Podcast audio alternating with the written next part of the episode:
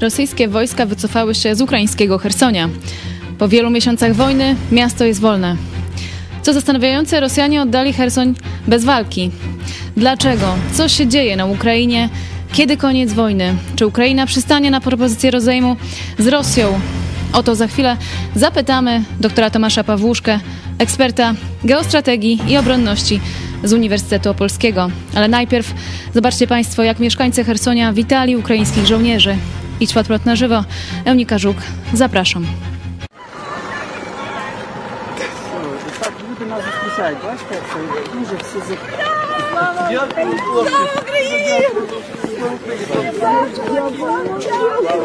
Ми вас ждали, любимо вас, молимося за вас.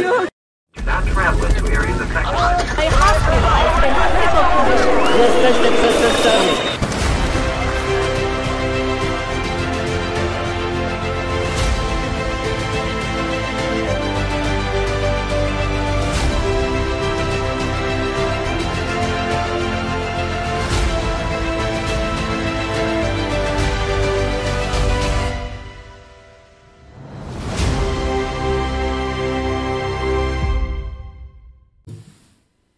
Panie doktorze, witamy serdecznie. E, Dzień dobry panie redaktor, dzień dobry państwu. E, Dzień dobry. E, Witamy również wszystkich widzów Idź Pod Prąd i czekamy na Wasze pytania, komentarze do tej sytuacji. W drugiej części programu będziemy je dla Państwa czytać i prosić Pana doktora o odpowiedź. A pierwsze pytanie moje do Pana doktora. Wszyscy zastanawiają się, dlaczego Rosjanie oddali Hersoń bez walki. Jak to jest według Pana? Wydaje mi się, że to jest korzystna decyzja też dla samych Rosjan. Rozmawialiśmy we wrześniu o tym, że Ukraińcy spróbują odzyskać Hersoń, e, tak żeby uniknąć walk e, w mieście i strat e, wśród ludności cywilnej. W związku z tym otaczali Hersoń, bombardowali wszystko, co było dookoła. Pozbawiali Rosjan tak naprawdę dostaw amunicji i dostaw e, też nowych żołnierzy, prawda, na front. E, Tak więc Rosjanie znaleźli się w potrzasku i po to, żeby uniknąć kompromitującej klęski w mieście, bo wojsko, które jest otoczone, które nie ma możliwości uzupełniania amunicji, jest de facto bezbronne. E, I dlatego Rosjanie pod, podjęli decyzję o wycofaniu się na drugi brzeg e, Dniepru. I wydaje się, że i jedna, i druga strona szybko tej granicy Dniepru e, nie przekroczą. Natomiast to jest oczywiście ogromny sukces propagandowy Ukraińców, też wojskowy sukces, który pozwoli też Ukraińcom skupić się na innych odcinkach frontu, ale także i Rosjanom pozwolił ten, e, ta sytuacja zachować e, kilkanaście, może ponad 20 tysięcy dobrowych żołnierzy do obrony innych odcinków, e, które e, są bardziej realistyczne do obrony w tym momencie. E, Panie doktorze, generał Ben Hodges, y, były dowódca sił lądowych USA w Europie, e, powiedział, że do stycznia Ukraińcy mogą e, wyzwolić również Mariupol i Melitopol, e, po czym rozpocznie się wyzwalanie Krymu. Co pan o tym sądzi? Czy to jest realne?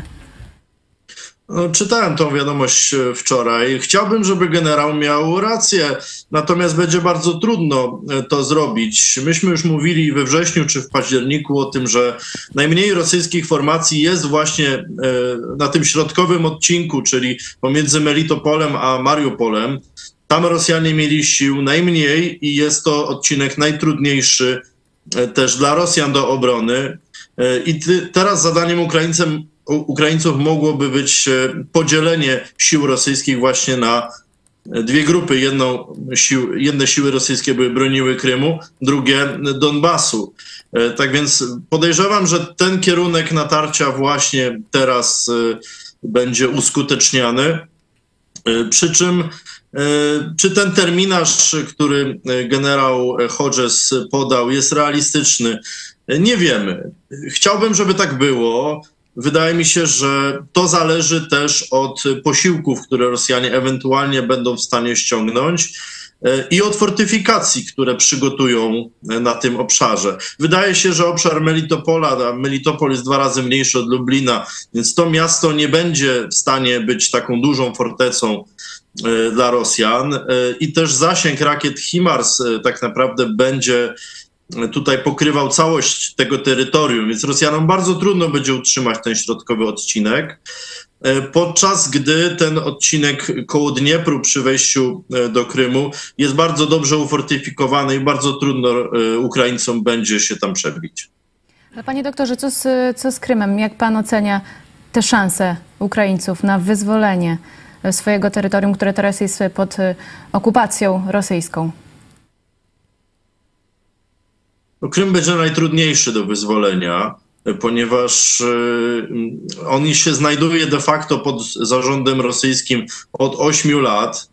E, Ale e, no, wszystko zależy od tego, czy Ukraińcy będą w stanie uzyskać te rakiety dalekiego zasięgu Atakamsy, te rakiety o 300-kilometrowym zasięgu. Wtedy mogliby razić rosyjskie cele na Krymie, odciąć Rosjanom drogę, drogę ucieczki właśnie przez most e, i zmusić Rosjan, podobnie jak w Chersoniu, po prostu do poddania się ewakuacji statkami gdzieś, prawda, w rejon Soczi na przykład. E, Natomiast krwawe walki będą się toczyć o Donbas. E, Przy czym to zależy od tego, czy Rosjanie będą w stanie dostarczyć dodatkowych 100 tysięcy rekrutów na front, więc Ukraińcy muszą się spieszyć.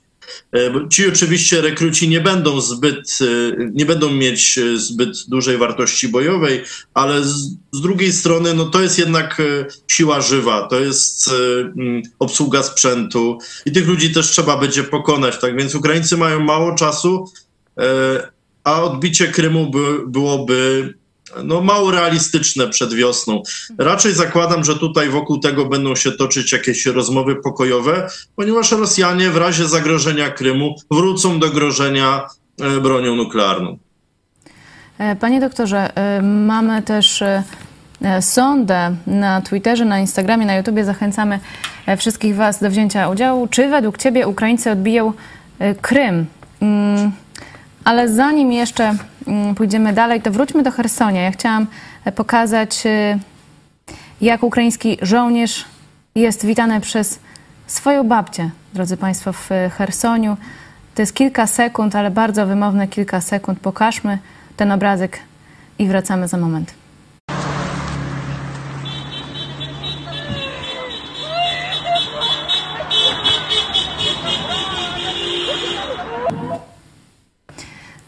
Panie doktorze, co pan czuł, kiedy widział właśnie te, te obrazki, kiedy, e, kiedy Ukraińcy, mm, mieszkańcy Hersonia witają e, ukraińskich żołnierzy? No to jest na pewno wzruszające. Rzadko się takie obrazki widzi e, w czasach współczesnych, prawda? To widzimy, że to było ukraińskie miasto, naprawdę, że nikt tutaj Rosjan nie popierał. Widzimy autentyczne szczęście e, tych ludzi. E, Zapewne za chwilę dowiemy się niestety o różnych cierpieniach i zbrodniach, miejscach kaźni. Natomiast ten moment jest takim momentem celebracji, on jest bardzo budujący dla Ukraińców i też e, dla świata zachodu, który Ukraińców wspierał. I na pewno buduje to bardzo pozytywny wizerunek tej strony konfliktu, że Ukraińcy bronią się, cieszą się.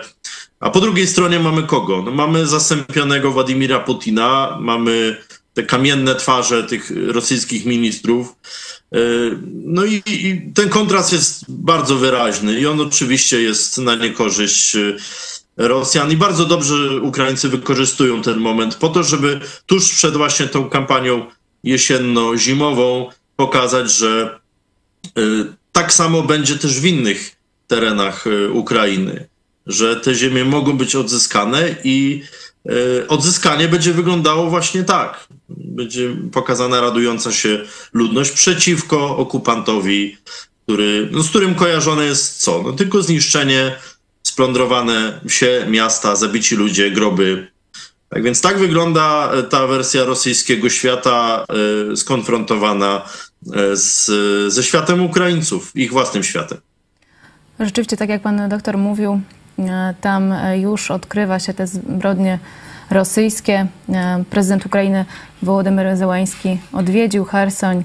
e, i we wczorajszym przemówieniu powiedział mm, między innymi, że w obwodzie hersońskim armia rosyjska pozostawiła po sobie ślady mm, takich e, czy podobnych okrucieństw, co w innych e, regionach, a w regionie już zostało udokumentowanych ponad 400 zbrodni wojennych, tak powiedział Wołodymyr Zełański. Mm, panie doktorze, ja teraz się zastanawiam, czy wobec tych zbrodni, wobec y, tego wszystkiego, co i władze, i y, armia ukraińska wiedzą na temat mm, wojny na Ukrainie, na temat zbrodni rosyjskich, czy e, przystaną na jakąś formę rozejmu, właśnie, którą proponuje Zachód, jak podało brytyjskie Daily Mail, Putin dostał od Zachodu warunki pokoju. Ma to być oddanie Ukrainie całego zajętego terytorium z wyjątkiem Krymu.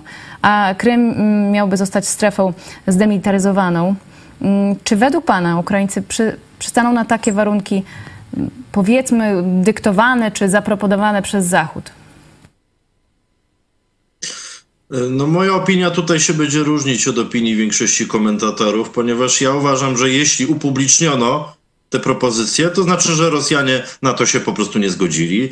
I teraz upubliczniono to celowo, żeby Rosjan zdenerwować, że de facto te warunki katastrofalne dla Rosji przecież są y, upublicznione po to, żeby skłócić teraz rosyjskie elity, bo wiemy teraz, że nawet w rosyjskich mediach czy w social mediach y, głównego nurtu pojawiają się spory w zakresie no, interpretacji tego, jak sobie Rosja radzi. Widzieliśmy Władimira Putina na tej dosyć kompromitującej konferencji prasowej, gdzie nie chciał odpowiadać na pytania dziennikarzy. Teraz odwołał swój udział w szczycie G20. Także Rosja jest ewidentnie w defensywie i pokazanie jej warunków porozumienia, które de facto nazwano jeszcze kapitulacją, zdaje się, e, to e, no jest po prostu uderzenie w twarz E, prezydenta Rosji osobiście, e, podejrzewam. Co do samych warunków, e, one dla Ukraińców są dosyć dobre, natomiast nie spodziewałbym się, że Rosjanie po prostu się wycofają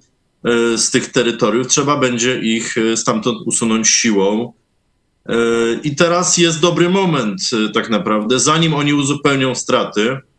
Ukraińcy mają też systemy rakietowe zdolne do niszczenia e, fortyfikacji. Mówimy tu o Hajmarsach. I dlatego prezydent Zełański też wczoraj mówił, że e, z tego co pamiętam, że oddziały ukraińskie, nie, przepraszam, to sztab ukraiński informował, że e, że są bombardowane rosyjskie miejsca y, skupienia żołnierzy, y, magazyny i tak dalej. Y, właśnie te po drugiej stronie Dniepru, po to, żeby odepchnąć Rosjan od Dniepru, zmusić ich do wycofywania się na Krym. I być może rzeczywiście takie propozycje pokojowe będą powtarzane po to, żeby wymusić na Rosjanach przyznanie, no przegrywacie, dostaliście takie warunki i one nie będą lepsze. Z kolei Rosjanie pomyślą odwrotnie. A, to są warunki, które Zachód proponuje, ale to są te górne warunki. Więc musimy teraz powalczyć, żeby dostać te lepsze warunki, prawda? Że, że na początku zazwyczaj y, proponuje się jakieś zaporowe warunki, a potem się z nich y, schodzi w dół, tak żeby dojść do jakiegoś kompromisu. Ja myślę, że sami Ukraińcy nie będą skłonni tutaj do kompromisu, widząc e, kolejne swoje zwycięstwa. Czyli będą chcieli też wyzwolić Krym, Pana zdaniem? Myślę, że tak. No to mówi prezydent Żeleński, powiedział, że on chciałby spędzić wakacje na Krymie w przyszłym roku. No czego mu życzymy. E, a czy Zachód, Pana zdaniem, będzie w jakiś sposób próbował wymóc tych, przyjęcie tych warunków przez Ukrainę, na przykład wstrzymując pomoc wojskową? W tej chwili nie widać takich ruchów na horyzoncie. Wydaje się wręcz przeciwnie. Amerykanie mówią o kolejnym pakiecie pomocowym e, dla Ukrainy. Oczywiście nie dostarczą tego wszystkiego, co Ukraińcy chcą. E, Biden zresztą mówił wprost, że no, nie chce trzeciej wojny światowej. On po prostu jest gotów pomagać e, Ukrainie w obronie integralności terytorialnej, a przy okazji bronić tą liderską pozycję Amerykanów na Zachodzie. Ja jeszcze przypomnę, że dla Amerykanów to jest stosunkowo tania wojna, bo nawet jeśli Amerykanie wyślą sprzęt wartości 20 miliardów dolarów, to to jest tygodniowy budżet Pentagonu. E, więc po to, ażeby rzucić na kolana z perspektywy amerykańskiej Rosję, czyli kraj około prawie dwubilionowym, dwubilionowych obrotach, używając do tego e, tak naprawdę 20 miliardów dolarów, to jest dla Amerykanów świetna okazja i na pewno tego nie przepuszczą. Ale też i muszą Amerykanie brać pod uwagę, że Europejczycy będą mieli trochę kłopotów energetycznych, że może się pojawić wzrost populizmu. Jak na razie po ponad pół roku wojny to w ogóle nie zadziałało. Rosjanie są skompromitowani. Wszelkie takie prorosyjskie głosy, nawet u prorosyjskich polityków, jak ostatnio we Włoszech y, czy, czy we Francji, te głosy są schowane tak naprawdę. I, I, mamy cały czas tą jedność Zachodu, która jest tak naprawdę budowana na tych sukcesach militarnych Ukraińców, bo nie łudźmy się, gdyby y, tych sukcesów na froncie nie było, podejrzewam, że zaczęłyby się tak zwane głosy rozsądku, po to, żeby coś Rosji dać, jakiś appeasement przedwojenny jak w swojej drugiej kopii. E, tak więc na razie dzięki tej postawie Ukraińców e, mamy tą jedność Zachodu. Tak? Nikt by się nie spodziewał pięć lat temu, że to od Ukraińców będzie zależeć jedność Zachodu. To jest rzeczywiście niezwykłe i to jest e, no, w całym tym nieszczęściu jakaś, jakiś plus, jakaś jaskółka na zjednoczenie się Zachodu, na przykład e, przeciwko e, komunizmowi. E, panie doktorze, jeszcze wróćmy do tego, co pan powiedział wcześniej o tym, że na korzyść Ukraińców jest to, żeby jak najszybciej jak najszybciej pokonać Rosję już teraz, a nie zwlekać na przykład do wiosny. Ale czy Rosjanie mogą dążyć do jakiegoś zawieszenia broni na zimę, y, aby się przegrupować, uzupełnić straty? Y, czy to w ogóle jest możliwe, Pana zdaniem? No zdaje się, że Rosjanie nie bardzo mają dokąd uciekać y, tak naprawdę, bo zajęli to terytorium, muszą je utrzymać. Sił mają coraz mniej zapasów mają coraz mniej. Wyposażenie e, zimowe wojsk rosyjskich ponoć nie jest zbyt dobre, a przypomnijmy, Ukraińcy są u siebie, mogą wejść do każdej chaty i się ogrzać. E, w przypadku Rosjan to tak nie jest. E, wydaje się też, że ci nowi rekruci są dużo słabszymi żołnierzami. Ukraińcy donoszą, że rozbijają te jednostki. Jeśli chodzi o zawieszenie broni, no w tym momencie, gdyby Rosjanie zaczęli coś mówić wprost o zawieszeniu broni, chociaż Pieskow e, coś wspominał, e, to jednak liczą na jakieś dobre warunki. No tych warunków no, nie może być dobrych, bo ostatnim sukcesem Rosjan było zajęcie Siewierodoniecka i Lisiczańska. To było już kilka miesięcy temu. Od tego czasu Rosjanie tak naprawdę cały czas się cofają. Owszem, bombardują, niszczą, używają rakiet, ale rakiety też się kiedyś skończą. Tak więc ta metoda zastraszania e, Zachodu nie za bardzo działa. E, także tego Zachodu, hmm, jeśli chodzi o energetykę, prawda, bo tutaj ten we wrześniu ten temat był bardzo szeroko dyskutowany w październiku, że może zabraknąć surowców energetycznych. I, i ten temat oczywiście będzie dalej grzany przez Rosjan po to, żeby no właśnie, wciągnąć jak najwięcej państw do tych negocjacji, bo może któreś państwo się wyłamie i zacznie przekonywać, że no słuchajcie, no wojna jest już prawie wygrana, e, no to może tak z tymi Rosjanami ostro nie idźmy, bo przecież ta ropa się przyda. E, I rzeczywiście takie e, propozycje gdzieś tam się od czasu do czasu pojawiają, żeby tą, tą broń energetyczną też, żeby ona nie uderzała w społeczeństwa zachodnie, ale na razie te głosy są e, marginalne. Ja bym jeszcze wspomniał o tym, bo tutaj widzę na ekranie zawieszenie broni. Czy Polska była konsultowana w tym zakresie? To, to mnie bardzo ciekawi, bo z tych wiadomości, których podali Brytyjczycy, ale też i Rosjanie o tych warunkach rozmów pokojowych, była informacja o tym, że kilka krajów było w tym zakresie konsultowanych. I to jest e, rzecz, której nie wiem, a którą chciałbym się dowiedzieć, czy Polska była tutaj przy stole. Obawiam się, że niestety nie. Jakie to by miało znaczenie, jeżeli Polska rzeczywiście nie była konsultowana w tej sprawie? Czy znowu, y, Znaczy- znowu będzie tak, że Polska pomaga, pomaga, a później no, zapomina się o, naszej, y, o naszym kraju?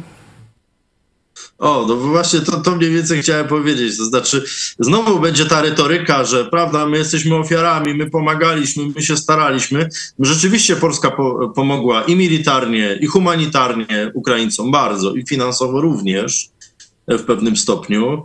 E, Natomiast e, tutaj tego typu ruchy, jak procesy pokojowe, nie zależą od dobrej woli, od dobrych chęci, od znowu od wartości, od mówienia o honorze, tylko od e, kilku innych rzeczy, takich jak jakość dyplomacji, e, takich jak e, zdolność naszych liderów, pozycja naszych liderów politycznych na rynku europejskim, że tak powiem.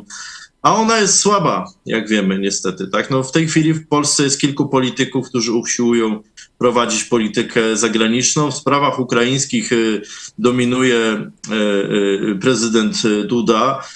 Natomiast w sprawach reform, czy w sprawach relacji z Unią Europejską, czy NATO są inni politycy, tak jak był prezes Kaczyński, minister Błaszczak, czy premier Morawiecki, który zajmuje się sprawami europejskimi, e, który właśnie stracił ministra Szymańskiego. E, Tak więc jest w Polsce e, no ten problem, na który zwracali uwagę też eksperci, z którymi rozmawiałem we wrześniu i w październiku, przygotowując raport dla MSZ-u, że no, to jest ta słaba pozycja polityczna Polski, uniemożliwia nam skorzystanie z tych realnych zasobów, które mamy z tego wszystkiego, e, co mamy tak naprawdę, z sąsiedztwa i tak dalej. Także mimo, że mieliśmy rację w ocenie zagrożeń ze strony Rosji i rozwój wschodniej flanki NATO postępuje w miarę według naszych oczekiwań, to jednak e, to by świadczyło, że gdyby Polska nie była konsultowana, że nasza pozycja pomimo tego wszystkiego się po prostu nie poprawiła, a e, powiem e, wręcz, że się pogorszyła, no bo nie skorzystać z takiej okazji, żeby wpłynąć na bieg zdarzeń, że po raz pierwszy od 350 lat nie mamy Rosjan na zachód od Dniepru, e, no to byłoby ogromne zaniechanie także w perspektywie historycznej i przykład na niestety e, marginalizację Polski e, w Europie Wschodniej. Czyli teraz jest czas dla naszych polityków, dla polityków w Warszawie, żeby ten moment e, wykorzystać, bo rzeczywiście e, nie tylko prezydent Zełański, który e, po polsku przemówił e, z okazji Święta Niepodległości 11 listopada, ale cała Ukraina e, dziękuję Polsce i jest za Polską. E, No, miejmy nadzieję, że e, też e, polskie władze będą e, stać, mm, stąpać mocno po ziemi. E, Ale e, wróćmy jeszcze do e, Hersonia. Mamy już pytania od widzów. Mm, Grzegorz Wróblewski między innymi. Skąd ta teza, e, że Hersoń był odcięty od zaopatrzenia, panie do- doktorze?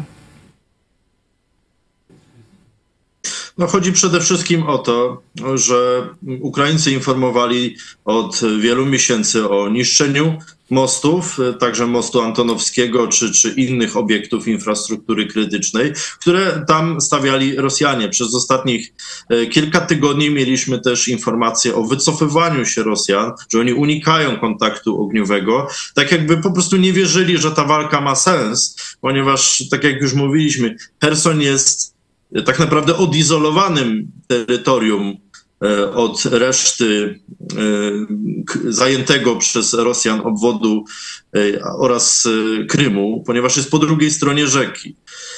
Tak więc nawet jeśli Rosjanie byli w stanie dosyć szybko odbudowywać mostami pontonowymi czy, czy łódkami, dostarczać zaopatrzenie, żywność i tak dalej, to na dłuższą metę nie byli w stanie tego robić, bo wojska ukraińskie były e, coraz bliżej, co, o czym nas zresztą informowały. Był taki moment rzeczywiście w październiku, e, kiedy e, sztab ukraiński ogłosił ciszę, czyli przestały do nas docierać informacje z frontu po to, żeby Rosjanie nie wiedzieli, gdzie te ukraińskie jednostki są zlokalizowane. Podejrzewam, że one właśnie w tym czasie niszczyły Rosjanom te przeprawy e, i musiało się to dziać w dosyć bliskim kontakcie. Ja zwrócę jeszcze uwagę tutaj na jedną rzecz, o której też komentatorzy nie mówią. Otóż, jak widzicie Państwo, prawie każdego dnia ukraiński sztab informuje o różnych stratach Rosji. Nie wchodząc w to, czy te straty są miarodajne, czy nie, czy są zawyżone, czy są mm, zaniżone, ja bym chciał zwrócić Państwa uwagę na to, że mm, tam od kilku dni od, przepraszam, od kilku tygodni e, są bardzo duże straty ludzkie, kilkuset zabitych dziennie, a bardzo małe straty sprzętowe. Czyli bardzo mało zniszczonych relatywnie do liczby zabitych ludzi, mało zniszczonych czołgów, transporterów itd. Tak o czym to świadczy? Świadczy to o tym, że e, walki mają przede wszystkim charakter albo miejski, prawda? Czyli, że jest po prostu walka wręcz jak w I wojnie światowej, bardzo brutalna forma konfliktu, zwłaszcza w Donbasie y, i nie wiemy, czy, czy y, gdzieś pod Chersoniem, albo że straty rosyjskie z, wynikają z bombardowania y, rakietami, prawda, z, z pracy artyleryjskiej tutaj, prawda? Czyli, że te straty są pewnym sensie zaokrąglone. E, e, tak czy siak, wydaje się, że przy tego typu niewielkich stratach sprzętowych stosunkowo Rosjan, a dużych stratach ludzkich, e, wydaje się, że tutaj też i ten odcinek hersoński miał swoje znaczenie. Chodzi mi o to, że Rosjanie po prostu ponosili bardzo duże straty ludzkie, nie byli w stanie sprzętowych strat sobie uzupełnić z powodu niszczonych mostów. E, no i w efekcie podjęli decyzję o wycofaniu się, no bo zapewnić zaopatrzenie dla e, powiedzmy dwudziestu paru tysięcy żołnierzy to są ogromne koszty e, i ogromne wyzwanie logistyczne, które w tym momencie już w październiku przekraczało możliwości Rosjan. Zwłaszcza, że w tej chwili Ukraińcy są w stanie też niszczyć cele na morzu, pojedyncze, ale jednak. No i cały też Dniepr i jego okolice również znalazły się w polu rażenia ukraińskich rakiet. Tak więc wydaje się, że stąd ta e, moja teza. E, no właśnie, jeśli chodzi o znaczenie e, tej bitwy o Hersoń, która, która mm, tak naprawdę, który to Hersoń Rosjanie oddali bez walki, mm, Eksperci zastanawiają się, czy to jest jakiś moment przełomowy, czy jakiś gwóźdź do trumny Rosji, ponieważ na przykład prezydent Serbii e, Aleksander e, Vucic powiedział w czwartek: Myślałem, że Rosjanie będą stawiali większy opór pod Chersoniem. Najwyraźniej się pomyliłem. Musimy zrozumieć, że teraz sami musimy dbać o swoją przyszłość, dbać o nią, sami o siebie musimy dbać. Panie doktorze. No to jest taki kontekst bałkański, bo pamiętajmy, że Serbia jest prorosyjska, ponieważ Rosja zawsze wspierała Serbię w sprawie Kosowa. Serbowie mają nawet taki transparent, takie powiedzenie, że razem z Rosjanami jest nas 300 milionów. E, I to jest taki sygnał, wydaje mi się, w serbskiej polityce, takiej rewizji tej prorosyjskości, że ta prorosyjskość stanie się warunkowa, bo pamiętajmy, że Serbia jest na drodze do Unii Europejskiej. I teraz Rosjanie stają się troszeczkę takimi chłopcami do bicia. To zaczyna trochę przypominać ten konflikt, jego rezultaty w sensie oczywiście, bo sama specyfika konfliktu jest inna, ale jego rezultaty zaczynają powoli przypominać te rezultaty wojny krymskiej z połowy XIX wieku, gdzie Rosjanie, którzy od pół wieku trzęśli całą Europą, potknęli się gdzieś na jakimś półwyspie. Wcześniej tłumili powstania w Polsce, na Węgrzech, y, Y, tutaj robili z Turkami co chcieli, po czym nagle w połowie wieku się im to posypało, bo myśleli, że są niezwyciężeni. I ta sytuacja chyba się powtarza, zwłaszcza w, w kontekście no, wypowiedzi e, władz rosyjskich od początku tej wojny, że będzie denazyfikacja, że my tu ukaramy Ukraińców, że my ich wymarzemy. Te cele były bardzo maksymalistyczne i tymczasem okazuje się, że nie zrealizowali żadnego z nich. Jedyne, co zrealizowali, to ludobójstwo e, częściowe na okupowanych terenach. E, tak więc e, no, nie dziwię się, że prezydent Serbii nie chce być z tego typu myślą polityczną i praktyką polityczną wiązany, co jest dobre. I w kontekście Bałkanów, i w kontekście Europy oczywiście. Tak? Czyli zobaczymy, co powie towarzysz Orban na ostatnie wypowiedzi y, i zachowania Władimira Putina. Tego jestem bardzo ciekawy. No właśnie, też e, można zastanowić się, jak inni sojusznicy Rosji zaczną reagować na to, że e, jest e, coraz, coraz więcej przegranych po stronie Rosji. E, Myśli pan, że rzeczywiście kolejni sojusznicy będą się odwracać od Rosji? Kto może e, być na przykład następnym e, po Serbii, jeżeli takie, e, takie działania e, serbskie będą miały miejsce? No nie chciałbym tu wyrokować, bo to zależy od polityków. Na pewno e, ta e, prorosyjskość stała się warunkowa nawet na Białorusi, w Kazachstanie, w republikach kaukaskich, bo wszyscy patrzą, że e, Rosjanie e, sobie nie radzą. Nawet Ramzan Kadyrow, przywódca czeczeński, powiedział, że wycofanie się było dobre e, dla e, e, ocalenia życia rosyjskich żołnierzy. E, Jeśli chodzi o sojuszników w Europie, to tak jak już powiedzieliśmy, oni siedzą cicho. E, Jeśli chodzi o stronnictwa e, prorosyjskie na samej Ukrainie, które jeszcze były kilka lat temu, one de facto wyginęły. O Janukowyczu to nie słyszeliśmy od dawna, dawna.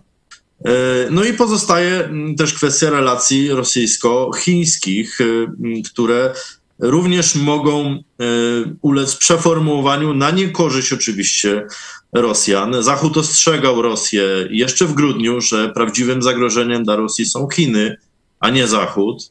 Tymczasem Rosjanie no, uparcie dalej y, trzymają się mm, tej, te, tego takiego XV-wiecznego, zdaje się jeszcze, założenia, że y, co jest gorsze, Tatarzy czy kawalerowie mieczowi z zachodu i uznawali, że zawsze ten zachód jest groźniejszy. Podczas gdy teraz tak naprawdę będą na tym tracić. Nieobecność Rosji na G20 może też pokazać, y, znaczy wiemy, że jest tam Ławrow, nie wiemy, czy trafił do szpitala, bo to jest wiadomość sprzed dwóch godzin. To jest prawda, czy to jest fake, czy po prostu pojechał sobie na plażę. Yy, no, nie wiemy, no trochę żartuję, ale yy, no, G20 to jest główne forum gospodarki światowej. Yy, I Rosja, będąc osamotniona, chciała uniknąć konfrontacji, wstydliwych wypowiedzi, karcenia, tego wszystkiego, co mogłoby ośmieszyć reżim Putina, co by musiało zostać przemilczane, ale byłoby dostrzeżone w kręgu rosyjskich elit. Media by to przemilczały, ale elity rosyjskie by to odpowiednio e, komentowały. Tak więc e, jest to dla Rosji sytuacja, w której znalazła się Rosja w, e, w takim narożniku, w, takim, w takiej sytuacji kryzysowej, także dla swojego przywództwa. Nawet w tych propozycjach pokojowych pojawiały się takie dosyć ciekawe sformułowania, że y, no, Rosja powinna się wycofać ze wszystkich terytoriów oprócz Krymu, ale ewentualnie jeszcze Władimir Putin może zostać. A więc takie, to było takie też y, spoliczkowanie, y, że tutaj Zachód ewidentnie zasugerował mieszanie się w sprawy wewnętrzne Rosji, co w Rosji od zawsze jest bardzo y, grząskim tematem. Widać, że no, Zachód tutaj po prostu zaczął dominować. Z perspektywy Ukraińców dobrze jest, że Zachód e, tak naprawdę bierze na siebie część dyplomacji związanej z tym konfliktem, e, bo to odciąża też Ukrainę i sprawia, że jej propozycje są po prostu silniejsze, są na stole e, i są podtrzymywane nie tylko przez Ukrainę, ale przez inne państwa. To jest efekt właśnie budowania takiej koalicji prozachodniej, co też jest ogromnym sukcesem e, Ukrainy i świadczy o marginalizacji Rosji. No, trudno to inaczej nazwać. E, Także taka jest moja opinia. Associated Press mówi, że Ławrow trafił do szpitala, Kreml dementuje, Ławrow zaprzecza. Nie wiadomo komu wierzyć. Panie doktorze, chociaż w sumie my Polacy to e, możemy założyć, e, komu wierzyć. Jeszcze mm, pytanie... Tam na, Bali, tam na Bali są dobre masaże ponoć, y, a wiemy, że y, Ławrow y, y, kiedyś w przeszłości był y, ambasadorem Rosji na Sri Lance, więc jego znajomość kultury y, Morza Indyjskiego jest bardzo dobra. y, Natomiast oczywiście ironizuje tutaj. Nie wiemy, co się wydarzyło. Jeszcze wracając do kontekstu międzynarodowego, jak pan ocenia wybory w, w Stanach Zjednoczonych? Czy ten wynik jest dobry dla Ukrainy, dla Ukraińców? No, ten wynik jest stabilny. Tak naprawdę będzie podtrzymanie polityki amerykańskiej. To jest zwycięstwo republikanów, trzeba przyznać, ale niewielkie, mniejsze niż oni liczyli. To zmniejsza też szanse na powrót Trumpa, aczkolwiek zgodnie z sondażami on nadal jest na tym pierwszym miejscu jako kandydat republikanów w wyborach prezydenckich na przyszłość. Ja też w sumie zastanawiam się, czy to jest Trumpowi jeszcze potrzebne. Zresztą i Biden, i Trump mają około osiemdziesiątki. No i pod koniec życia stwierdzili, że e, chcą być na szczycie. Nie wiem, czy to jest dobre dla ich zdrowia po prostu. Tak samo można zapytać, czy prezydent Biden będzie kandydował, czy e, zostawi to mm, dla Kamali Harris. E, nie wiemy tak naprawdę. Ja uważam, że polityka amerykańska, która przynosi efekty, a w tym wypadku przynosi efekty, jest skuteczna. Staje się też coraz bardziej skuteczna wobec Chin, gdzie tutaj i republikanie, demokraci są zgodni. Teraz Amerykanie odcięli e, Chińczykom e, dostęp do e, procesorów, prawda? Więc jakby Chińczycy też widząc, że gra z Zachodem wciąż jeszcze się nie opłaca e, na takich warunkach, jakich by Chiny chciały. E, o czym się też przekonała Rosja, próbując e, w tej chwili narzucać cokolwiek Zachodowi. Więc ja myślę, że ta linia amerykańska w sprawach zagranicznych zostanie podtrzymana. Natomiast zagadką jest, czy rzeczywiście będą w stanie demokraci w sprawach wewnętrznych te wszystkie pakiety które Biden obiecał, te pakiety inwestycyjne, odbudowa infrastruktury amerykańskiej, czy to y, będą w stanie zrealizować. No i tutaj trudno powiedzieć. Przy czym no, są to cele na całą dekadę, więc, więc trudno oceniać Bidena po niecałych dwóch latach tak naprawdę. Y, ale no, jego pozycja wydaje się wciąż stabilna. Jeszcze pozostając w analizie Stanów Zjednoczonych, nasz widz Rafał Bąk pisze, moim zdaniem Ukraina prędzej czy później jest w stanie odbić Krym, ale wszystko będzie zależało od, od dobrej woli USA. Mam pytanie, y, czy USA będą wolały zachować Krym dla Rosji? No powiem szczerze, że to chyba najbardziej zależy od samych Rosjan. Tutaj oczywiście Amerykanie mogą dostarczyć Ukraińcom te rakiety. Ukraińcy będą ich przekonywać, że to przyczyni się do zmniejszenia strat ludzkich, y, że to będą e, te rakiety o zasięgu 300 kilometrów i wtedy Ukraińcy sami będą w stanie zdemilitaryzować i zneutralizować Półwysep Krymski. E, I cóż, natomiast te, te, propozycje pokojowe, które tutaj omawialiśmy, że Krym miałby zostać zdemilitaryzowany, to jest y, bardzo dobra propozycja też dla Stanów Zjednoczonych. Tak? To jest wypchnięcie Rosji z Morza Czarnego częściowe. Tak jak się udało wypchnąć Rosję z Morza Bałtyckiego poprzez akcesję Finlandii i y, Szwecji do NATO, która nadchodzi, prawda? Więc taki sam problem będziemy mieć my z Kaliningradem. To jest taki drugi zmilitaryzowany przyczółek Rosji na morzu. A pamiętajmy, że no akurat na Morzu Czarnym Rosjanie są silniejsi, byli silniejsi zawsze e, od państw zachodnich, bo i Rumunia, i Bułgaria nie mają e, takiej zdolności, takich zdolności morskich. No chciałbym, żeby rzeczywiście ta Ukraina była w całości razem z Krymem ale no niestety, no to zależy od y, warunków y, na polu walki tak naprawdę. Y, jeśli Ukraińcy będą odnosić sukcesy, Rosjanie wrócą do grożenia bronią jądrową po to, żeby no, tego Krymu nie stracić. Myślę, że to jest dla Rosjan takie non possumus. Ale no zobaczymy, w jakim stanie też będą elity rosyjskie. Czy one już do tego czasu czyli powiedzmy za 2-3 miesiące nie będą tak skłócone, że będą dążyć do porozumienia pokojowego na innych warunkach. Trudno powiedzieć, bo propozycji rosyjskich od czasów tych szalonych propozycji na wiosnę E, no to nie słyszeliśmy. Tak? Jakby Rosjanie nabrali wody w usta i nie mówią już nic o propozycjach, tylko mówią, że są zdeterminowani prowadzić operację specjalną mm, przez kolejne miesiące. Tylko nie bardzo wiadomo, co by miało z tej operacji wynikać poza katastrofą gospodarczą, militarną, e, społeczną, energetyczną, no i taką propagandową również. Tak? Jakby cały ten ruski świat się zawalił, e, który Rosjanie promowali, stąd też ostatnie takie, przypominam sobie, agresywną wypowiedź Aleksandra Dugina, ideologa e, Kremla, bardzo konfrontacyjna wobec, wobec władz rosyjskich. Pamiętajmy, że Dugin stracił córkę.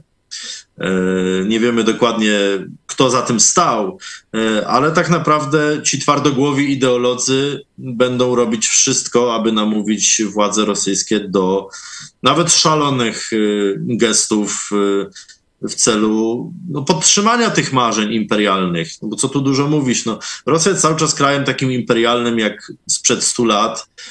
Tam nie zaszedł proces dekolonizacji, tak jak no, Francuzi czy Brytyjczycy oddali swoje terytoria kolonialne i te państwa są dzisiaj wolne, niepodległe w różnym stopniu, ale jednak. Tymczasem Rosja cały czas trzyma rękę na różnych e, państwach e, syberyjskich, znaczy, przepraszam, narodach syberyjskich, czy e, stara się dominować na Kaukazie, czy w Azji Centralnej. Traci te wpływy. Nadal ten rosyjski szowinizm, nacjonalizm, który miał być taką siłą Putina, bo Rosja jest, y, Rosjanie to jest grupa etnicznie dominująca na terenie Rosji oczywiście, ale tam jest kilkanaście, kilkadziesiąt procent ludności niesłowiańskiej. Y, to teraz ten nacjonalizm tak rozciągnięty, tak rozbuchany, będzie dla Rosjan problemem. Jakby, wielu mieszkańców federacji stwierdzi, że dlaczego mamy realizować Y, jakieś tutaj pansłowiańskie interesy. Tak? Nasi ludzie giną y, po to, żeby tam, nie wiem, zająć jakieś zruj, zrujnowane miasto, prawda? Gdzieś, gdzie nigdy przecież nie będziemy nawet mieszkać. Także to są dylematy, które się w Rosji pojawiają i będą pojawiać. Y, nie tylko przy okazji Krymu, ale no, Krym będzie takim bardzo symbolicznym miejscem. Gdyby Rosja straciła Krym, to jest tak naprawdę powrót do sytuacji ze średniowiecza. Panie doktorze, nasi widzowie, ale nie tylko nasi widzowie, no tutaj cały świat patrzy na to, co się dzieje na Ukrainie. E, obawiają się, obawiamy się, mm, że to nie jest ostatnie słowo Rosji. Joanna Zielińska e, pisze między innymi, mimo całego serca dla Ukrainy obawiam się, że Rosja nie odpuściła, tylko szykuje jakiś manewr. Wysadzą tamę, użyją atomówki. To jest dzicz, która nie zawaha się przed niczym.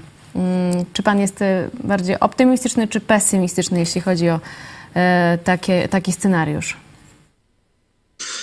Te rzeczy, o których e, mówi zacytowana pani, oczywiście są możliwe. Natomiast pytanie brzmi, czy one realizują jakiś cel polityczny. Owszem, Rosjanie wielokrotnie robili tak, że wiele ataków było po prostu na złość i, albo w ramach e, zemsty za na przykład zatopienie krążownika Moskwa albo zniszczenie mostu krymskiego, choć nadal nie wiadomo, kto tak naprawdę i dlaczego tego dokonał. Wydaje się, że takie złośliwe działania e, są nadal możliwe w Rosji, ponieważ zostaną przez Rosjan wykorzystane jako demonstracja siły. Mimo wszystko. Y, myślę, że Rosjanie y, celowo powstrzymują się też od niektórych ruchów, po to, żeby nie pogarszać swojej sytuacji na froncie i też pozycji negocjacyjnej, bo akurat na to, czy Rosja użyje broni masowego rażenia lub y, zrobi coś w którejś z przejętych elektrowni, czy, czy, na, czy na tej wspomnianej tamie, od tego zależą też warunki pokoju. Na to Zachód zwraca uwagę od ponad 100 lat, aby tych y, nadmiernych cierpień jeszcze od czasów, oj, nawet dłużej, od czasu deklaracji petersburskiej, y, petersburskiej z 1868 roku tak naprawdę. Jest ten trend na Zachodzie, żeby unikać zbędnych cierpień. Rosjanie już wielokrotnie popełniając zbrodnie na tym terytorium Ukrainy, pozbawili się tej taryfy ulgowej, e, a dodajmy jeszcze, że w tej chwili Ukraińcy mają znaczną przewagę liczebną. Jeśli Ukraińcy mają prawie milion ludzi pod bronią, to Rosjanie mają może na tym froncie całym ponad tysiąc kilometrów, 4-5 e, razy mniej ludzi zaangażowanych e, w to. To jest bardzo mało, to jest i tak e, duże osiągnięcie.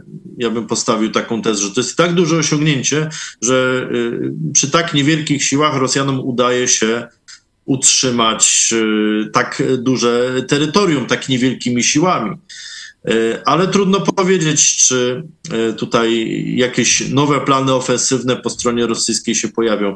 Ja, ja takich planów dziś nie widzę, bo po prostu Rosjanie nie mają sił i środków. Nawet jeśli dotrze tych 100 tysięcy, 200 tysięcy ludzi, to Rosjanie nie będą w stanie podejmować dużych akcji ofensywnych, ponieważ te wojska, które już na froncie są, są przytłoczone, zdemoralizowane, zmęczone, i kończy im się sprzęt. Nie widać żadnego celu, którego te wojska, które te wojska miałyby osiągnąć, bo jeśli ktoś tkwi w okopie w tym samym miejscu, gdzieś pod Melitopolem albo gdzieś właśnie pod Dnieprem e, od pół roku nie może pójść dalej, a jeszcze rośnie ryzyko, prawda, że zginie, bo tutaj też przechwycone są te rozmowy y, z rosyjskimi żołnierzami. Oni są wściekli, że dowódcy ich usadzają w jednym okopie, pomimo że Ukraińcy y, uderzają w te okopy i, i trzeba byłoby się rozproszyć y, po to, żeby strat było jak najmniej. Tymczasem no, rosyjscy dowódcy w ogóle nie mają wyobraźni, co się dzieje w okopie, bo pewnie siedzą sobie gdzieś za linią frontu, prawda? Więc tutaj taka frustracja rosyjskich żołnierzy będzie narastać. E, i nie wiemy, co się może wydarzyć. Ja podejrzewam, ale to jest tylko mój do, domysł, nie mam na to żadnych dowodów, że być może dowódcy rosyjscy w Chersoniu lub w pobliżu zaczęli się na własną e, rękę dogadywać z Ukraińcami i generał Surowikin, e, co już byłoby katastrofą też dla niego, że ileś żołnierzy odmówiło po prostu wypełniania rozkazów i się poddało byśmy zobaczyli tą wielką paradę Rosjan na ulicach Hersonia y, idących, prawda, ze związanymi rękami. Y, no być może też dlatego generał Surowikin tych żołnierzy zmęczonych, zdemoralizowanych, pozbawionych sprzętu wycofał po to, żeby odbudować te jednostki, bo po prostu innych Rosjanie w tej chwili nie mają. No ale tak jak powiedziałem, to jest y, tylko mój domysł. Być może kiedyś otworzymy archiwa i sprawdzimy, które te, tego typu domysły były prawdziwe, a które nie. Nasi widzowie e, pytają, e, Józef Midor, e, skoro Rosja jest tak słaba i rozbita, dlaczego polska armia robi takie zakupy? W latach dwudziestych byliśmy czwartym krajem z bronią pancerną i drugą z lotnictwem, a w 1939 weszliśmy z niczym praktycznie. No to jest duża rzecz, tak naprawdę te nasze zbrojenia, bo widzimy różne aspekty tutaj. Po pierwsze, fakt, że istnieją zakupy. Tak, one są dokonywane często bez planów, poza programem y, w różnych miejscach, y, gotowy sprzęt, bez offsetu, co budzi pewien krytycyzm.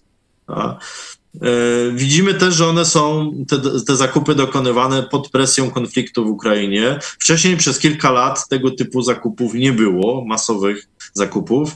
A jeśli teraz mamy te zakupy, to one są wzorowane właśnie na warunkach, e, zaobserwowanych warunkach frontowych w Ukrainie. Tak? Czyli jeśli działają systemy rakietowe, no to kupujemy systemy rakietowe, prawda?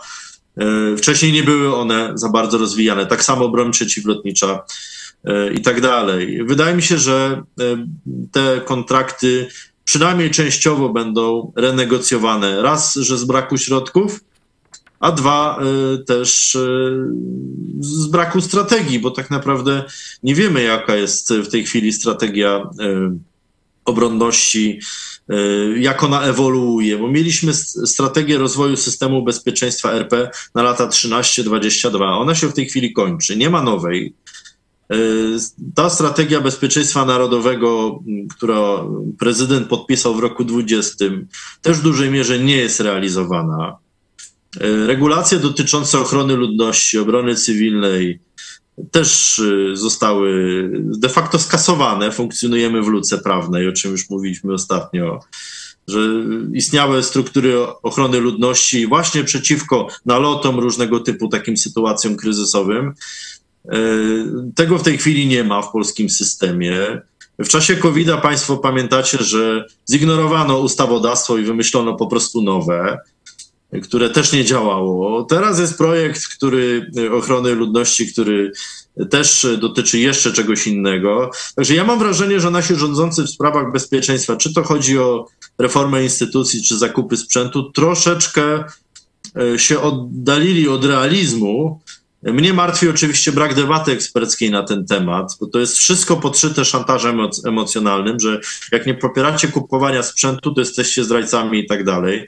Stara śpiewka. E, natomiast rządzącym cały czas opłaca się grzać ten temat Y, bo on jest dosyć korzystny wyborczo y, dla rządzących. Tak więc zawsze można powiedzieć, patrzcie, kupiliśmy 500 czołgów, czy tam 1500 w tym momencie zszykowanych, a poprzednicy nie zrobili nic. Da? I ten argument będzie działał mimo wszystko, zwłaszcza, że wicepremier Błaszczak nie popełnił jakichś dużych błędów PR-owych czy, czy innych, po prostu w zaciszu gabinetu szykuje kolejne plany i je ogłasza.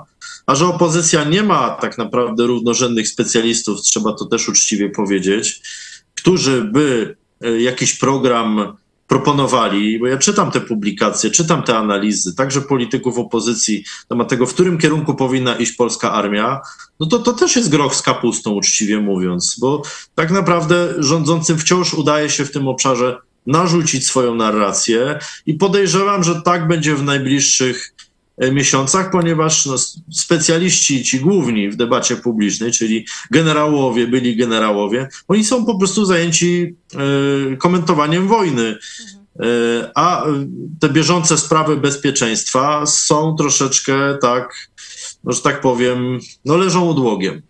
Panie doktorze, mm, skoro mówimy o Polsce, to zaraz zapytam Oleszka Millera ale wcześniej e, częściowe wyniki sądy, bo sonda wciąż trwa na naszym Instagramie, YouTubie i Twitterze.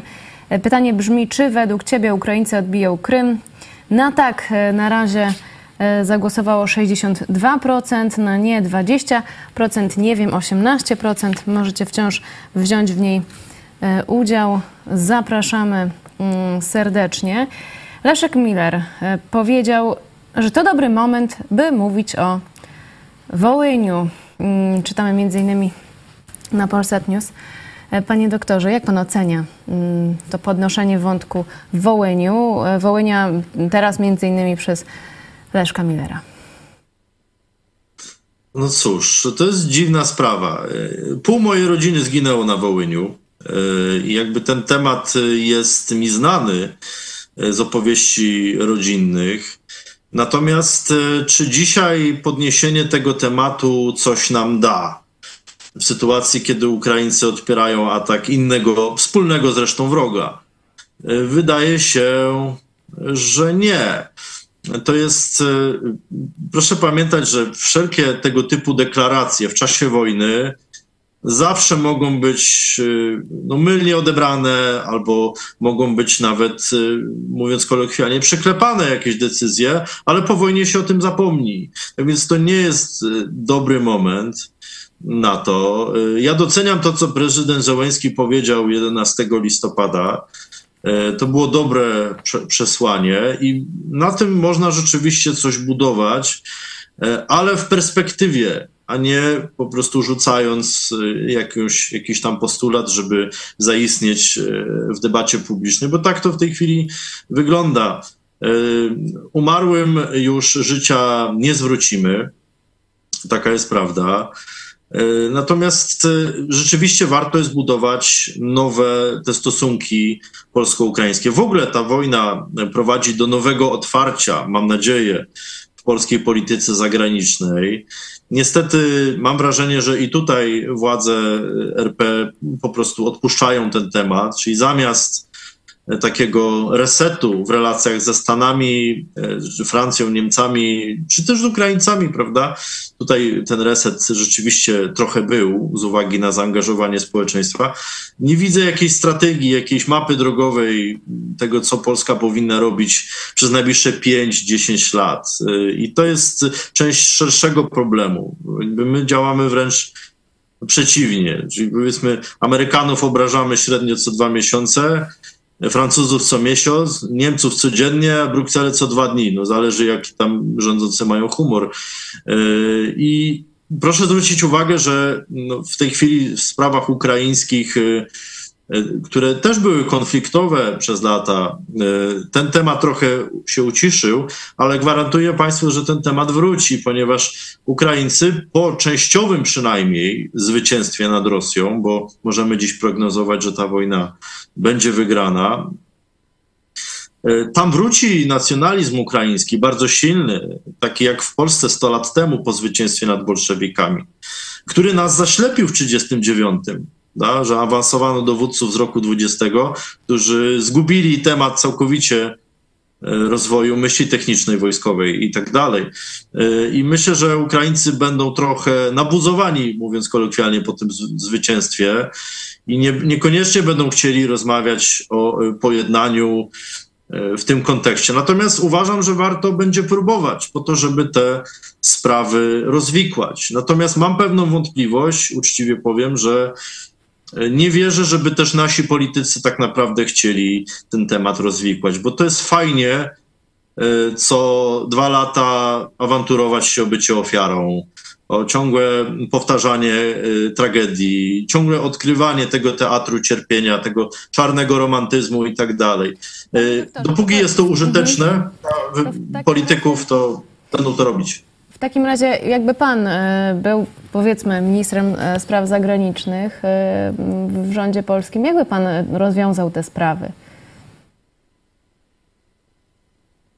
Przede wszystkim dobrze by było, aby powstała jakaś komisja dotycząca tych spraw trudnych, a nie, że jednogłośnie nasza strona coś ogłasza, a potem Ukraińcy robią jakiś kontrtemat w postaci, nie wiem, no, pomnika Bandery, prawda, który dla nich jest bohaterem, tak jak dla nas y, Kościuszko, y, prawda, no oczywiście nie porównując skali to przede wszystkim trzeba by zacząć od uczciwej takiej polityki historycznej, tak? czyli, czyli ustalenie pewnych faktów.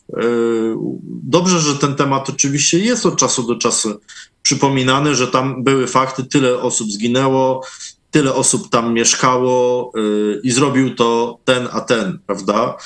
Y, Ja mam wrażenie, że teraz brakuje takiej uczciwej y, refleksji, bo mamy no, nadmiar mitologii, prawda? No tak, jak, tak samo jak przy żołnierzach wyklętych. No trudna jest ta racjonalna dyskusja oparta na faktach, ponieważ no, zbudowano mit żołnierzy wyklętych, prawda? I, I bardzo trudno jest w tych kwestiach historycznych się poruszać. I ja bym zakładał tutaj, że potrzebna jest komisja, która wypracuje wspólne stanowisko, po czym na wyższych szczeblach y, rządowych i, i prezydenckich doszłoby do y, podpisania jakiejś umowy, deklaracji, coś bardzo mocnego, symbolicznego, po to, ażeby ten proces pojednania miał jakieś ważne, takie symboliczne aspekty, bo nie uciekniemy od tego pojednania. To tak jak Francuzi z Niemcami y, 100 lat się mordowali, w końcu no więcej niż 100 lat, prawda, od czasów wojen napoleońskich. 150. Y, Po czym wreszcie przestali. U nas y, mam wrażenie, że ten proces potrwa jeszcze dekady. On jest przyspieszany przez to, że mamy ogromną migrację ukraińską, mamy też sympatię do Ukraińców z powodu tej wojny. To może ten proces przyspieszy, ale pamiętajmy, że rządzą politycy 50, którzy e, raczej już niewiele czytają i niewiele myślą o nowoczesnym świecie. Myślą raczej o przeszłości niż o przyszłości. Więc podejrzewam, że dopiero kolejne pokolenie ten temat przepracuje. E, Jeśli do tego czasu nie wydarzą się jakieś inne negatywne e, historie. Więc ja bym stawiał na, w tej chwili na dialog ekspercki, na wiedzę, później na deklaracje polityczne, a później być może na jakieś upamiętnienie.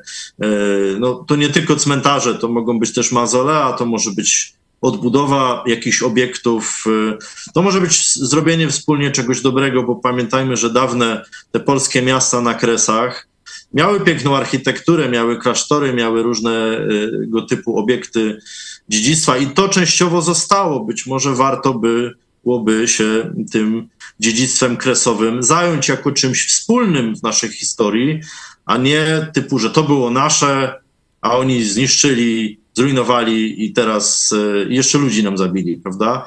Jakby to do niczego nie prowadzi. Musi być jakiś proces budowania obok tego procesu przebaczania. No Bo inaczej no tej budowli nie będzie, po prostu. Nie ma budowli bez budowania. Dziękuję za tę refleksję. Rzeczywiście to nie jest temat e, prosty, ale e, jeżeli nie jest to prosty temat, nie można się zabierać tak ad hoc. E, I takie też właśnie mm, postawy jak Leszka Millera są niepokojące, ale miejmy nadzieję, że inne postawy wygrają, zwyciężą mm, i ta przyjaźń polska-ukraińska będzie dalej kultywowana. I, właśnie w tym temacie chciałam Państwu pokazać e, mm, prezydenta Ukrainy Wołodymyra e, Zeleńskiego po polsku. E, Jeżeli jeszcze Państwo nie widzieli, to będą mieli teraz okazję zobaczyć przesłanie prezydenta Ukrainy na, z okazji 11 listopada.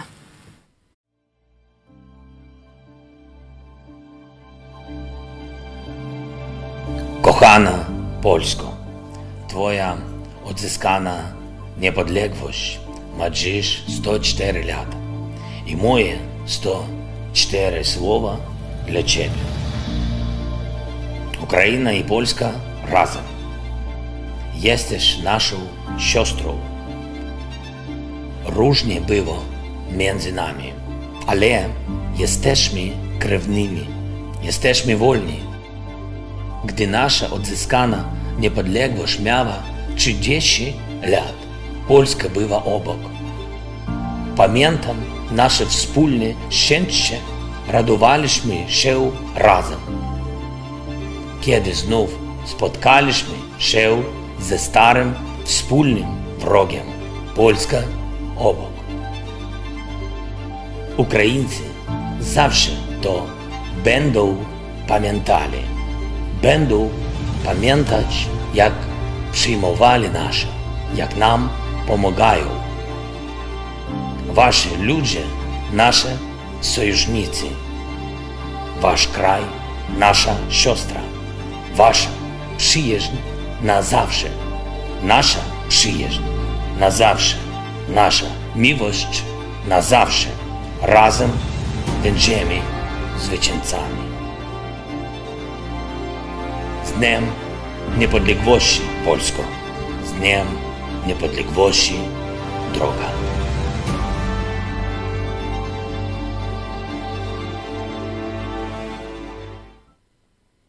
Panie doktorze, jak pan zareagował na, na to przesłanie Zeleńskiego? Dobre jest to ostatnie słowo. Tam jest, prezydent Żołęcki mówi, że to jest droga. Relacje między państwami to jest droga. To jest oczywiście ciepły przekaz, dobry, wizualnie też atrakcyjny. Y, mm, Zminimalizowane są te treści negatywne.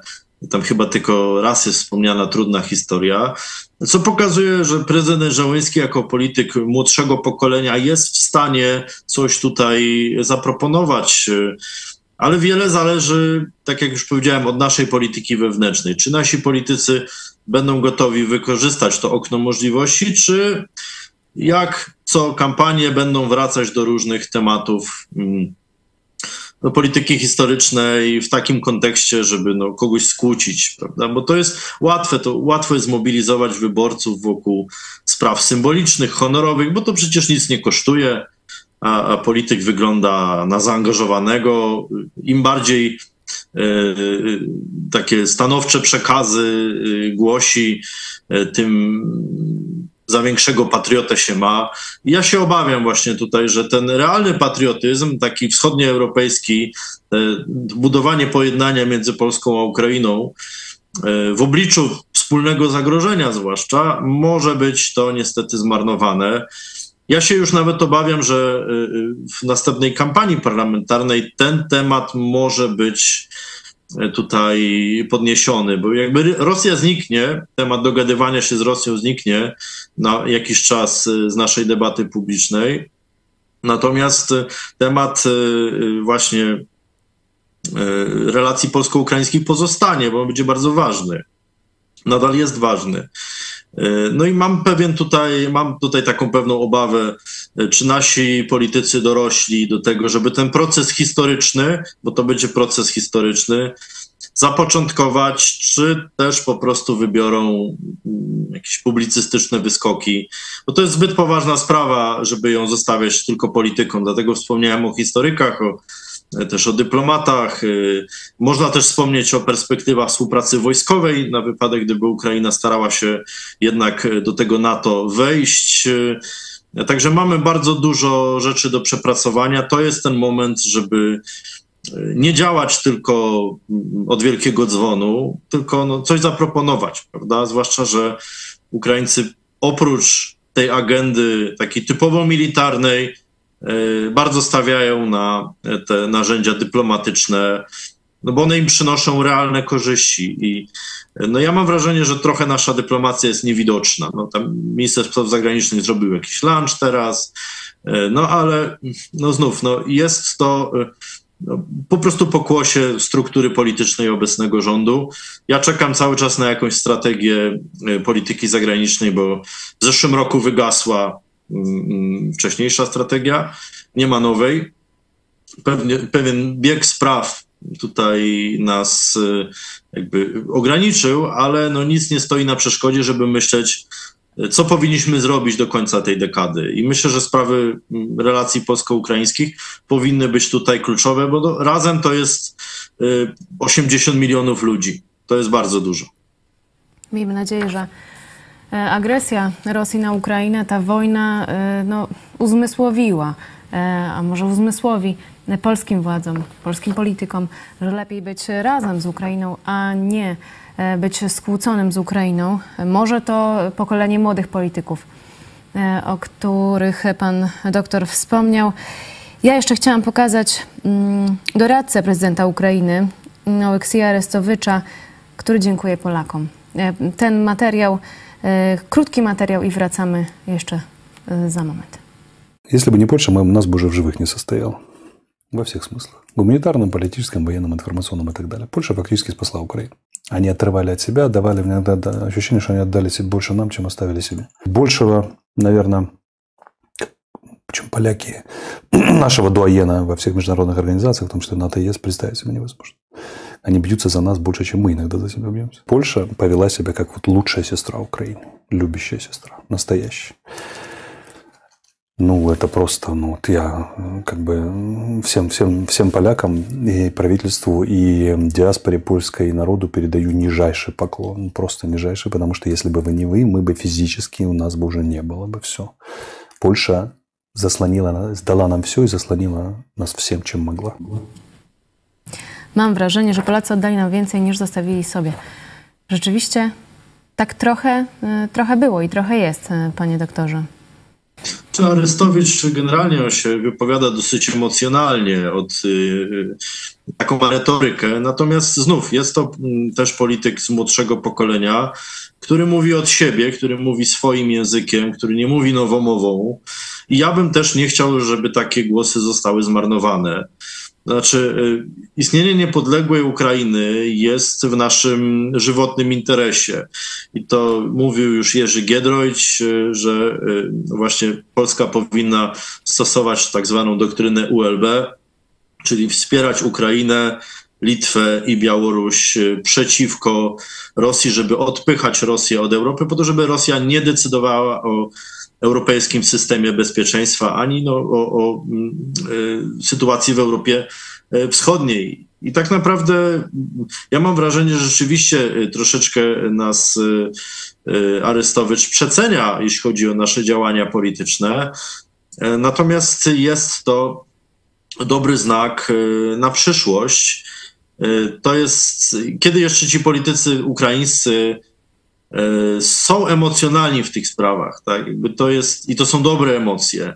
To nie są złe emocje, to nie jest złość, zazdrość, że o, wy macie lepiej niż my, a wy macie szczęście, bo was Rosjanie nie napadli. E, jakby no, Ukraińcy się będą definiować antyrosyjsko i propolsko od tej chwili. Nie można tego zmarnować. Panie doktorze, dziękujemy serdecznie za udział w programie, za swoje refleksje, również osobiste. Był z nami dr Tomasz Pawłuszko, Uniwersytet Opolski.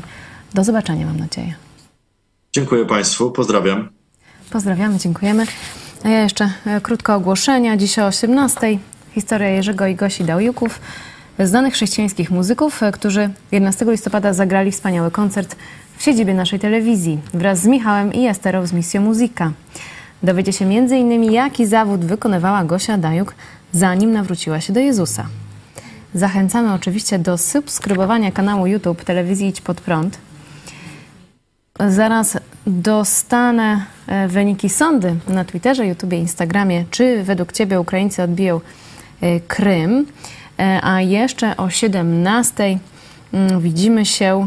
Wróciliśmy, drodzy Państwo, z serwisem informacyjnym. Zapraszam w imieniu Cezarego Kłosowicza. Mm, A w ten weekend odbył się e, również czwarty zjazd Polsko-Ukraińskiego Instytutu Biblijnego. Joe Łosiak i pastor Paweł Chojecki wygłosili wykłady. Wczoraj też mogliście zobaczyć nauczanie Joe Łosiaka w trakcie naszego spotkania niedzielnego. Bardzo serdecznie polecamy. E, Ten materiał już jest na naszym kanale. A w naszym sklepie możecie też zamówić książkę Rewolucja Jezusa autorstwa Joe Łosiaka. Zapraszamy na sklep.idźpodprąd.pl. Zachęcamy również do wsparcia telewizji Idź Pod Prąd. Mm, Naszym comiesięcznym celem, tak jak wiecie, jest tysiąc e, gitar, czyli tysiąc wpłat. Za Wasze wsparcie serdecznie dziękujemy, bo utrzymujemy się właśnie z niego, a nie z dotacji państwowych. Y, I jesteśmy również na patronite.pl idź pod prąd. Zachęcamy do kontaktu telefonicznego numer 536 813 435, a po programie pomysł dziś pastora Chojeckiego, czego Bóg nie chce od Polaków, a także kartka z kalendarza Piotra Setkowicza. Wyniki sądy, drodzy Państwo. Czy według Ciebie Ukraińcy odbiją Krym? Na tak zagłosowało 60% i to jest wygrana, e, a na nie 22, na nie wiem 18 procent e, rzeczywiście nasi widzowie wypowiedzieli się. Dziękuję za każdy głos i zapraszam na 17. Do zobaczenia. Przedwczoraj mówiłem, czego Bóg chce od narodu, od narodów, a dzisiaj powiem, czego Bóg nie chce od narodu, czego nie chce od Polaków. Kontynuując spotkanie apostoła Pawła ze starszyzną, można powiedzieć, z najmądrzejszymi ludźmi ówczesnego świata, z filozofami i e, politykami greckimi w Atenach na Areopagu, apostoł Paweł najpierw powiedział w 17 rozdziale, e, 27 werset, czego chce Bóg, żeby narody e, robiły, czyli też naród polski, a potem w 29 wersecie zaczyna, czego nie chce. Nie? I na pierwszym miejscu taki stawia postulat. Będąc więc z rodu Bożego, stworzeni przez Boga, Bóg jest blisko nas, chce, Jezus chce wejść do naszego serca i tak dalej. Będąc więc z rodu Bożego, nie powinniśmy sądzić, że bóstwo jest podobne do złota albo srebra, albo do kamienia, wytworu sztuki i ludzkiego umysłu. To jest główne przesłanie na nie. Bóg nie chce, żebyś myślał, że on jest podobny do jakiejś złotej figurki, obrazu czy kamiennej jakiejś rzeźby, posągu. Nie jest też po, podobny do wytworu swojego umysłu. Nie? Na przykład katolicy mają różne statuje, wyobrażają sobie Boga, obrazy i tak dalej, a świadkowie Jehowy mówią, że no to wszystko złe, no to prawda, ale tworzą swój obraz Boga, swoim umysłem tworzą jakieś bóstwo, które absolutnie, ta ich koncepcja, wizja Boga nie da się pogodzić z Pismem Świętym. To jest takim samym grzechem jak bałwochwalstwo. Jeszcze raz.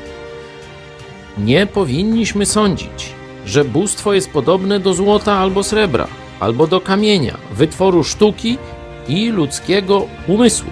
I później jeszcze dobija. Bóg nie mieszka w świątyniach ręką zbudowanych. To również musi dotrzeć do Polaków.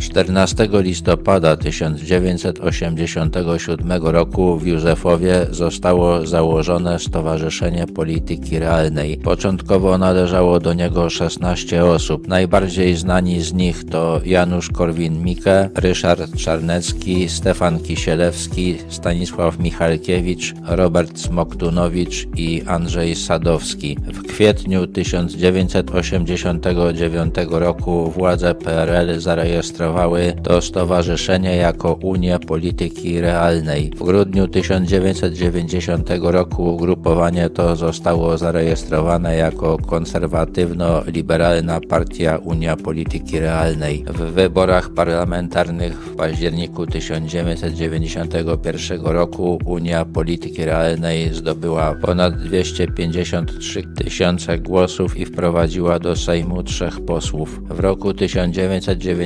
1993 partia liczyła około 3000 członków i zyskała w wyborach ponad 438 tysięcy głosów, czyli ponad 3% wszystkich oddanych, ponieważ obowiązywał już wtedy 5% próg wyborczy, nie weszła do Sejmu. Progu wyborczego nie udało się też przekroczyć już nigdy później. Rozsadzana licznymi walkami frakcyjnymi i rozłamami UPR domagała się obniżenia podatków, występowała przeciwko wprowadzeniu VAT-u i CIT-u, postulowała ograniczenie rządu do pięciu ministerstw, wprowadzenie dobrowolności ubezpieczeń społecznych i zdrowotnych, zakazu uchwalania wydatków państwowych nie mających pokrycia w dochodach i ingerencji państwa w umowy między osobami prywatnymi i przedsiębiorstwami. Streszczeniem programu UPR było hasło likwidacji koryta dla polityków. Jak ktoś zauważył, żeby wprowadzić ten program w życie, trzeba najpierw zostać politykiem, a następnie się zlikwidować. Byli członkowie UPR weszli w skład właściwie wszystkich partii politycznych działających w Polsce, w tym PiS i PO.